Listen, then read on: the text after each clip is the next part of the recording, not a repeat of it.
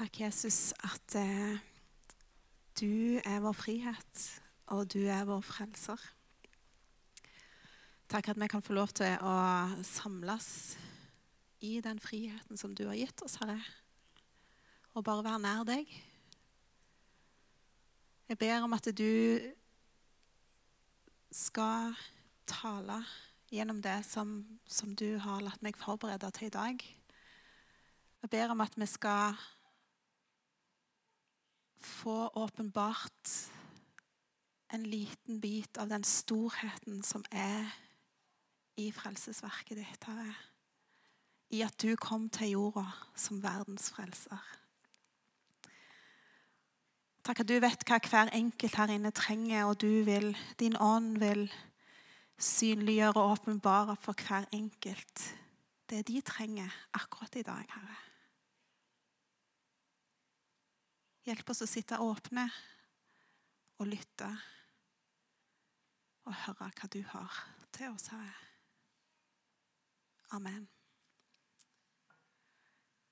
Yes! Godt nyttår! Vi har jo kommet langt ut i januar allerede, men eh, for meg er det faktisk første gang i år at jeg er på Betel. Av ulike årsaker. Så kjekt å se dere alle sammen. Eh, det er jo sånn at det nettopp har vært jul, selv om det ikke føles sånn. Så. Og vi har et nytt tema. Fra krybben til korset. Og da føler vi jo at vi står både med en fot i, i julefeiring og en fot i påsken. Så skal jeg få lov til å ta det et steg videre fra det Knut han hadde for to uker siden, så snakket han jo om eh, Jesus som sant menneske og sann Gud. Altså inkarnasjonens mysterium, for å bruke sånne vanskelige teologiske uttrykk. Mens jeg skal få lov til å snakke om Jesus som frelser. Og så er det jo sånn det er, da, når eh, det er ulike folk på talerstolen, så får dere litt ulike innfallsvinkler. Så i dag så blir det Lundevinkelen på dette temaet. Eh, og vi, vi, skal starte rett og slett i jula. For i det som vi kaller for juleevangeliet, i Lukas kapittel 2, så leser vi om når englene kom med budskapet til hyrdene på marken.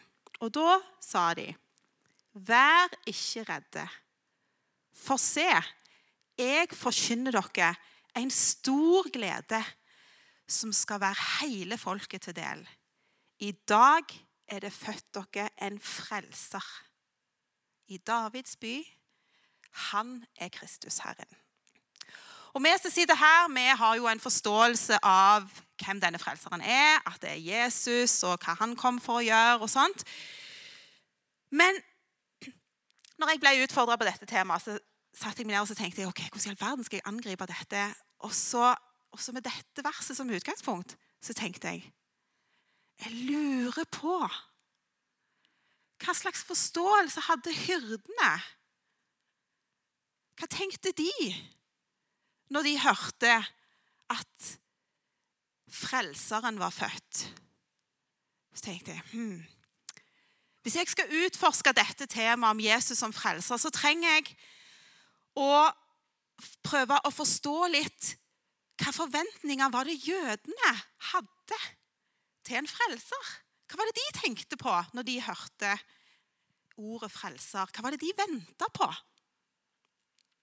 Og så trenger jeg å forstå noe om, eh, om eh, hva Bibelen, Nytestamentet, sier, og om hva Jesus sjøl sier om seg sjøl som frelser.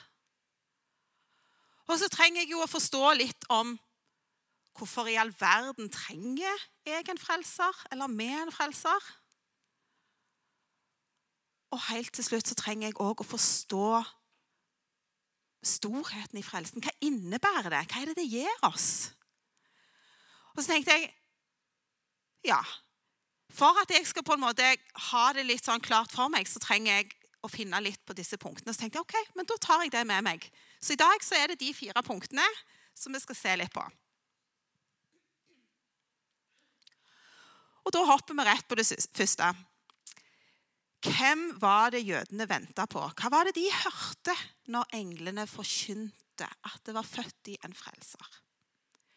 Hvis vi leser i Gamle testamentet om israelsfolket sin historie, så ser vi jo hvordan de gjennom ganske mange hundre år eh, var på en måte inn og ut av eh, Hva skal jeg si Fangenskap og eh, ja, storhet. De gikk fra storhet til okkupasjon, tilbake til storhet, til å bli okkupert igjen. og og hadde, De hadde forskjellige ledere. De hadde, en periode så hadde de ulike dommere. og Så var de misfornøyd med det, og så krevde de av Gud at de skulle få konge. Og så sier Gud OK, da. Da får dere en konge.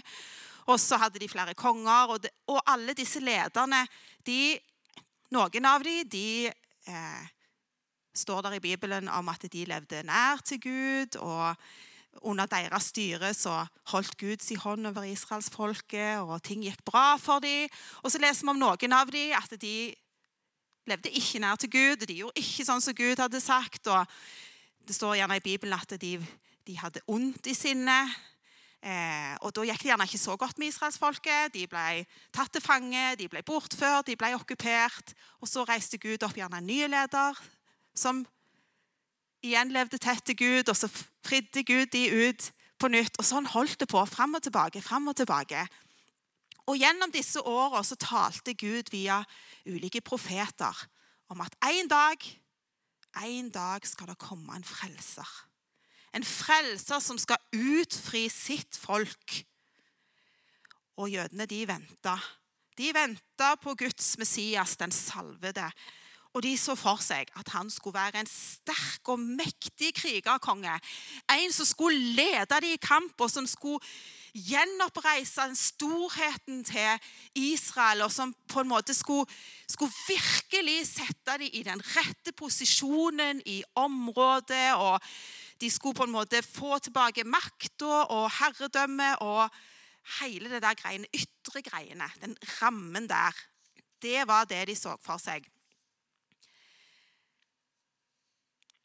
For det var sånn de hadde oppfatta det at de var Guds folk. At det var deres privilegium. Gud han skulle sørge for at de hadde sin rettmessige posisjon i det ytre. Og vi kan lese i f.eks. Eh, i eh, Jeremia. Han kommer med en profeti. Se, dager kommer, sier Herren, da jeg skal reise opp den rettferdige spiren for David. Kongen som skal være konge og gå fram i visdom og gjøre rett og rettferdighet i landet. I hans dager skal Juda bli frelst, og Israel bo trygt. Dette er Herrens navn som han skal kalles med, Herren vår rettferdighet. Og når de hørte det, så tenkte de jo selvfølgelig ja, da skal det ikke lenger være noen andre som eh, styre over oss, og det skal ikke være noe urett mot oss, og vi skal få lov til, vi, vi skal være herre i eget land, og vi skal, vi skal på en måte ja, være et folk som, som går fram og, og, har det bra, som lykkes på alle vis. En annen, eh, en annen sånn eh, profeti kan vi lese om i Mika, som sier Men du, Betlehem Efrata, selv om du er liten til å være blant Judas tusener, fra deg skal han utgå for meg. Han som skal være hersker over Israel. Hans, og igjen hersker over Israel. sant? Vi hører hva, de, hva ord de helt sikkert har hørt. Hans utgang er fra eldgammel tid, fra i evighetsdager. og Derfor skal han overgi dem inntil den tiden da hun som skal føde, har født. Deretter skal resten av hans brødre vende tilbake til Israels land, altså de skal bli samla igjen og han skal stå og være hyrde i Herrens styrke. Den mektige krigeren. Og i den høye majestet ved Herren sin Guds navn. Og de skal bo trygt, for nå skal han være stor, like til jordens ender, og han skal være fred. Så altså Frelseren, det er han som skal komme og redde dem fra de folka rundt som ikke behandler dem på den skikkelige måte. og de skal få landet sitt tilbake, og de skal, de skal på en måte få storheten sin tilbake igjen. Det er litt sånn overordna det jødene hører.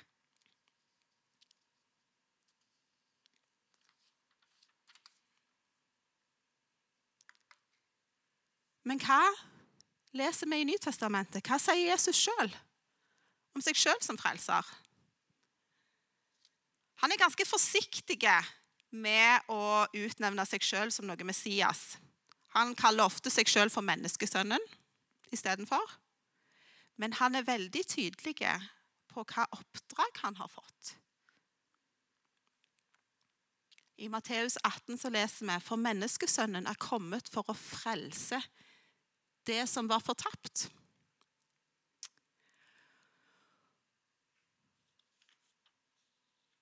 I Lukas kapittel 4 så leser vi også om når Jesus han, eh, var på besøk i Nasaret. og så gikk han, På sabbaten så gikk han i synagogen, og så tok han skriftene og så leste han derifra. og Da siterte han ifra en av profetene, fra Jesajas. Herrens ånd er over meg, for han har salvet meg til å forkynne evangeliet for de fattige. Han har sendt meg for å helbrede dem som har et sønderknust hjerte, for å rope ut frihet for fanger, og for at blinde skal få syn igjen, for å sette undertrykte i frihet, for å rope ut et nådens år fra Herren. Og så står det at før han satte seg, så sa han at i dag så har dette skriftordet blitt oppfylt. Og dette er jo en litt annen Det er liksom ikke så mye sånn råhet og makt i det som Jesus sier om seg sjøl her. Han kjente jo jødene sin historie. Han var, jo, han var jo vokst opp i dette. Han var jo en jøde. Han visste at de venta på en som skulle komme og fri dem. Han kjente alle disse forventningene. Men samtidig, som Knut snakket om, så var han Guds sønn. Han visste hva som var den egentlige intensjonen med en frelser. Hva Gud hadde tenkt.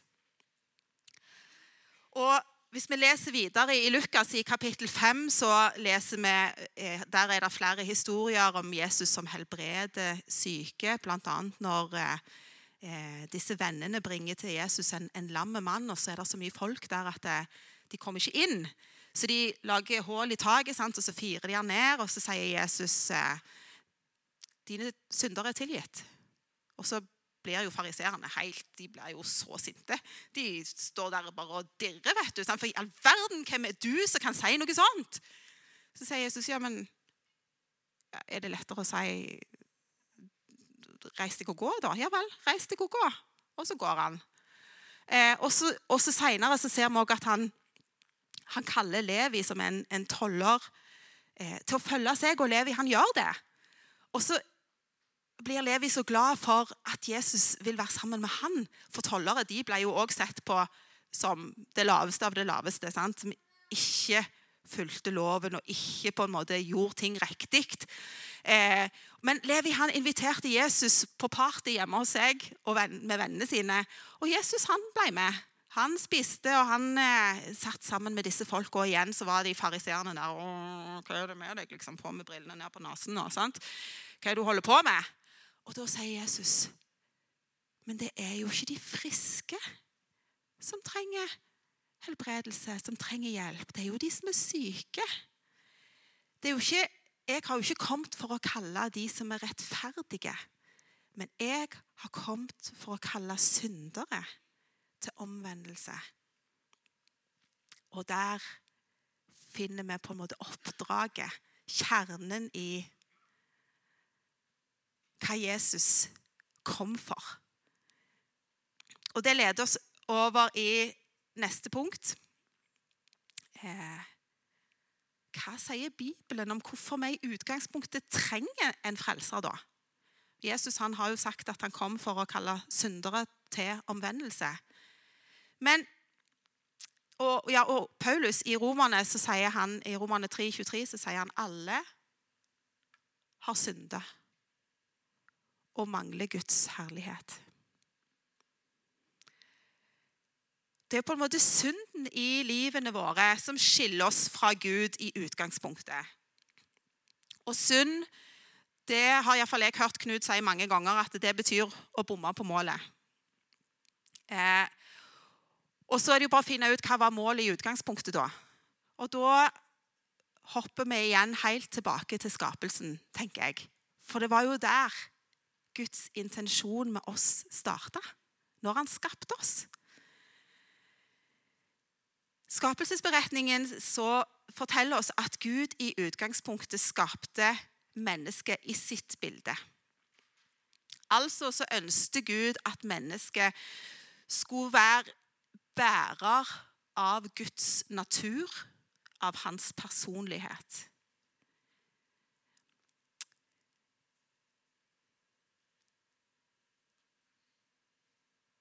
I tillegg så viser han også i skapelsesberetningen at han hadde ett mål til. Og det var fellesskap. Fordi han skapte jo Adam først. Og så så han det at det var ikke så greit for mennesket å være alene. Og Derfor så gjorde han noe med det. Da skapte han Eva, og så sa han dere to, som de første menneskene, dere skal være sammen. Fordi menneskene, når dere blir flere For det er ikke godt for mennesket å være alene. Mennesket trenger fellesskap. Så altså skapt i Guds bilde til å være bærer av hans natur og personlighet, og skapt til fellesskap. Og så var det sånn at Gud han skapte ikke bare mennesket til fellesskap med hverandre, men han skapte menneskene til fellesskap med skaperverket. Men ikke minst til fellesskap med skaperen. Gud ønskte, og hans opprinnelige plan var at vi skulle leve i fellesskap med han.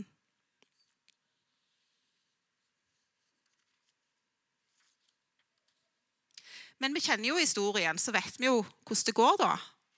Adam og Eva de faller. De blir lurt av slangens ord. Og, for, og de begynner å stille spørsmål med Guds egentlige hensikter og hans godhet. Og istedenfor å, til, å, å bygge på tillit og tro, så lar de slangens ord så tvil i hjertet sitt. Gud han hadde jo gitt dem fri vilje til å velge å følge de hensiktene han hadde skapt dem til. Han hadde gitt dem muligheten til å velge fellesskap. Velge å leve i hans nærhet. Velge å ta imot hans kjærlighet og gi kjærlighet tilbake. Og så tar jeg en liten sånn, bitte liten timeout, liten parentes der, for jeg tenker kan vi kalle det fellesskap hvis ikke det er frivillig? Kan vi egentlig kalle det kjærlighet hvis det er påtvunget? Så vi kan jo kanskje tenke oss at åh, bare den frie viljen bør vi ikke hadde hatt det problemet. Men er ikke egentlig det en forutsetning for virkelig å oppleve ekte kjærlighet og ekte fellesskap. Å kunne speile Guds natur på ekte er at vi faktisk vil det. Hvis ikke det er jo bare et design. Ja, en liten tanke.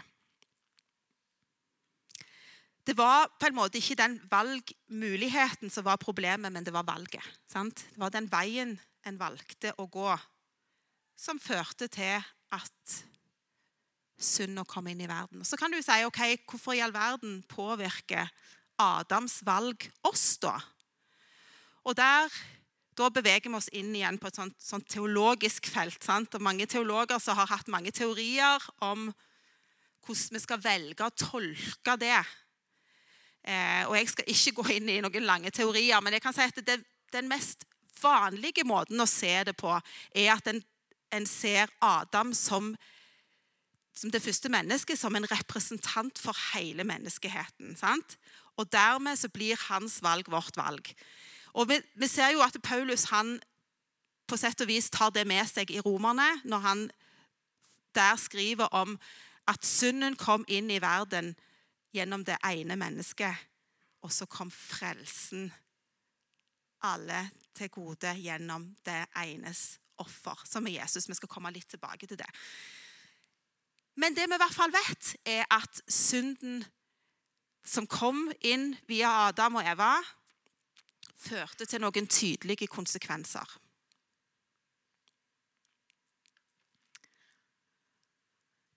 Synden fører i overordna konsekvens til en fremmedgjøring, til fordømmelse, til slaveri og til fordervelse. Og jeg skal forklare litt etter hvert.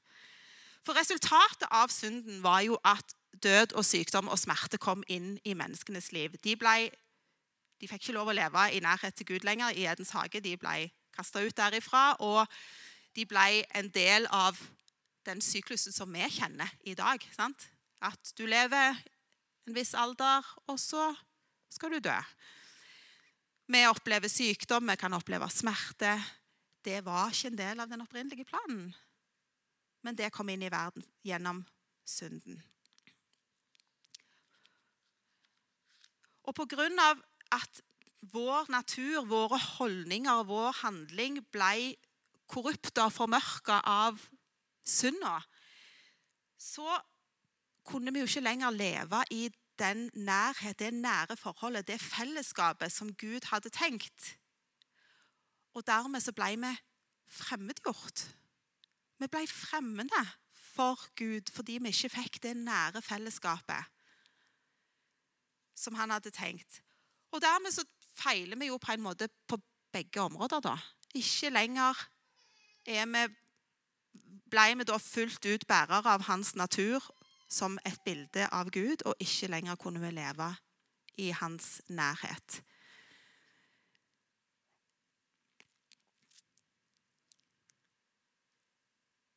Bibelen forteller oss jo videre hvordan menneskets syndige tanker og ego og ønske om å være best førte til ufred.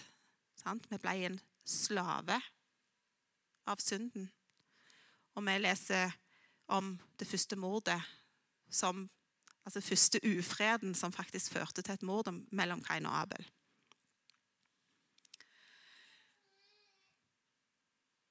Så synda er på en måte det som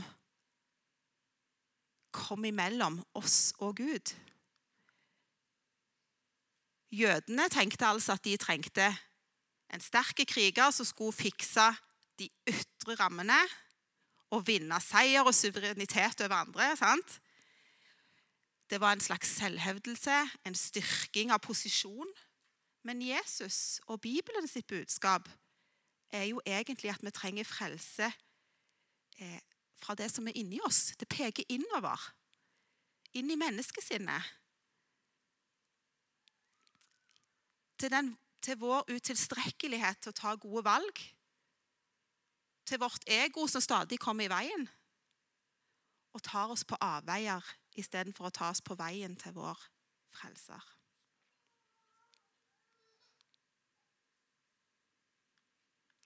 Hva innebærer frelsen, da? Hva vil det si å bli frelst? Selve ordet frelse, det kommer jo av det å bli frihalsa, altså stammer fra det å ha slaver. Da hadde en gjerne en eller annen form for merking eller et eller annet rundt halsen eller rundt lenke rundt føttene eller et eller annet som merka deg som slaven til noe, og som viste at du ikke var et fritt menneske. Eh, og når du enten ble sluppet fri av din slavemester eller ble kjøpt fri, så ble det fjerna. Altså, du ble frihalsa. Du ble frelst. Du ble satt fri.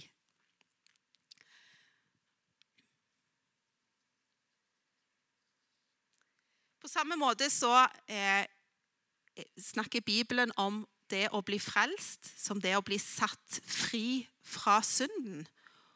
Og det å få tilbake vår mulighet for fellesskap med Gud. Johannes 3, 16 og 17 kjenner vi kjempegodt.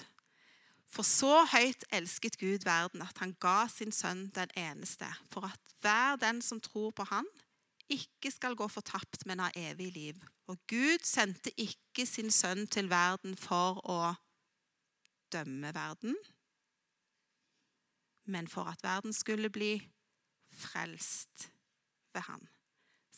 Og En konsekvens av synden husker vi var fordømmelse. Men Gud sendte sin sønn for å gjøre noe med det, leser vi her.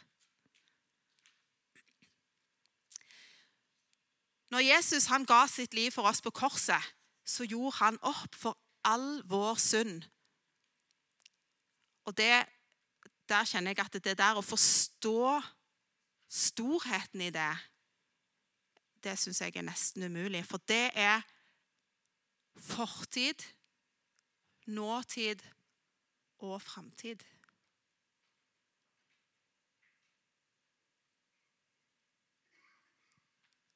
Fortid, nåtid og framtid. Det er ganske mye, det.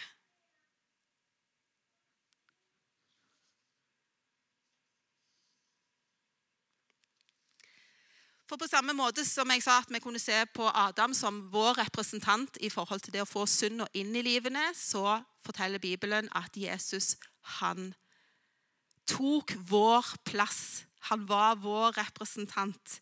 Han tok vår plass på korset. Han tok vår plass og betalte den prisen som måtte betales. Ifølge Gamle testamentet så var det jo sånn at eh, du, folk ofra. De ofra dyr, og det var blodet til dyret som på en måte betalte midlertidig for det galne de hadde gjort. Så Da fikk de en form for tilgivelse gjennom den. Det var en sånn botshandling. Fikk de tilgivelse for synda si der og da.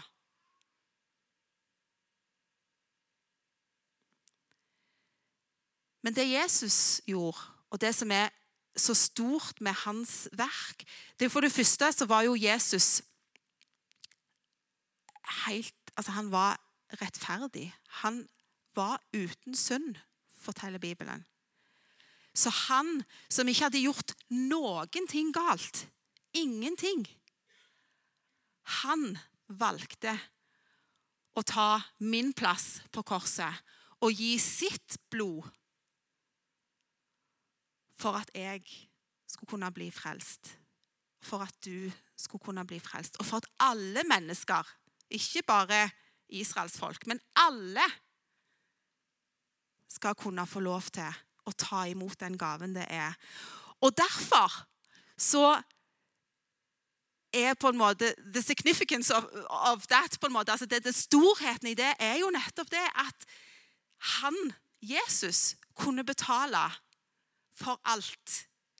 I fortid, i nåtid og i framtid. I kraft av den han er.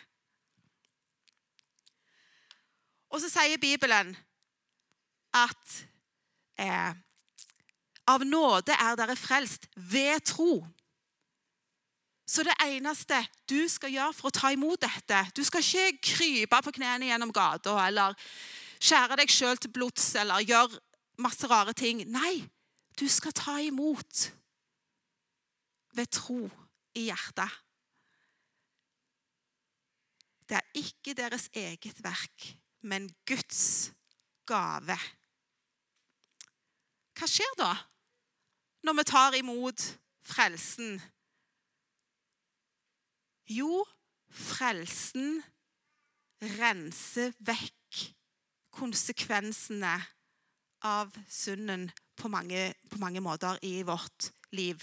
For istedenfor å være fremmedgjort for Gud, så får vi da lov til å tre helt inn, sier Bibelen, i det aller helligste.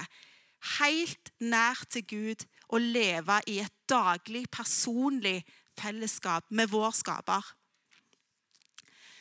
Og Paulus han sier i Romerne at så er det da ingen fordømmelse for den som er i Kristus Jesus. Og den, de av oss som har tatt imot Jesus, så har Jesu blod vaska vekk fordømmelsen.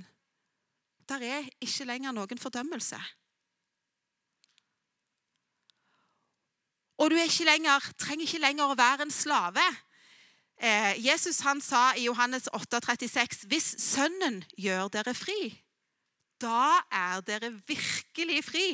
Og så sier han jo om seg sjøl eh, at eh, 'jeg er veien, sannheten og livet'. sant? Og sannheten er det som setter oss fri. Altså Jesus er det som setter oss fri. Og så er det denne fordervelsen, den døden som kom inn i våre liv gjennom syndefallet. Det er jo sånn at det der er et sånn her og nå og ikke ennå problematikk. sant? For vi lever som mennesker i en verden som fortsatt er prega av synda. Så vår fysiske kropp den kommer jo til å ta slutt en dag. På et eller annet tidspunkt så, så kommer ikke Lone Lunde lenger til å finnes på denne jord. På et eller annet tidspunkt. Jeg håper det blir mange år til. Men en eller annen gang så skjer det. Det vet vi. Men, sier Bibelen, frelsen har gjort noe med det òg. Fordi at når den dagen kommer, så skal jeg få ta steget inn i evigheten. Til evig fellesskap med min skaper. Og du skal få lov til å gjøre det samme. Og det, tenker jeg, er en fantastisk, fantastisk ting å få lov til å forstå bitte litt mer av. Så jødene som venta på den der store krigeren som skulle liksom skape fred i, i deres lille verden Og istedenfor så kom Jesus og tilbyr fred i hjertene våre til alle mennesker i hele verden.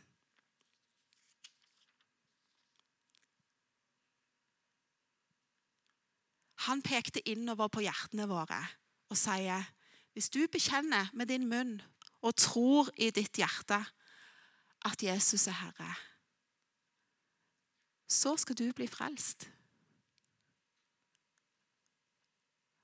Og det som englene sa var en glede for alt folket, det er nemlig det at alle kan få lov å ta imot. Og så sier Bibelen at i dag er nådens dag. I dag er Gud å finne. Så, folkens Frelseren har kommet, og frelsen er gitt.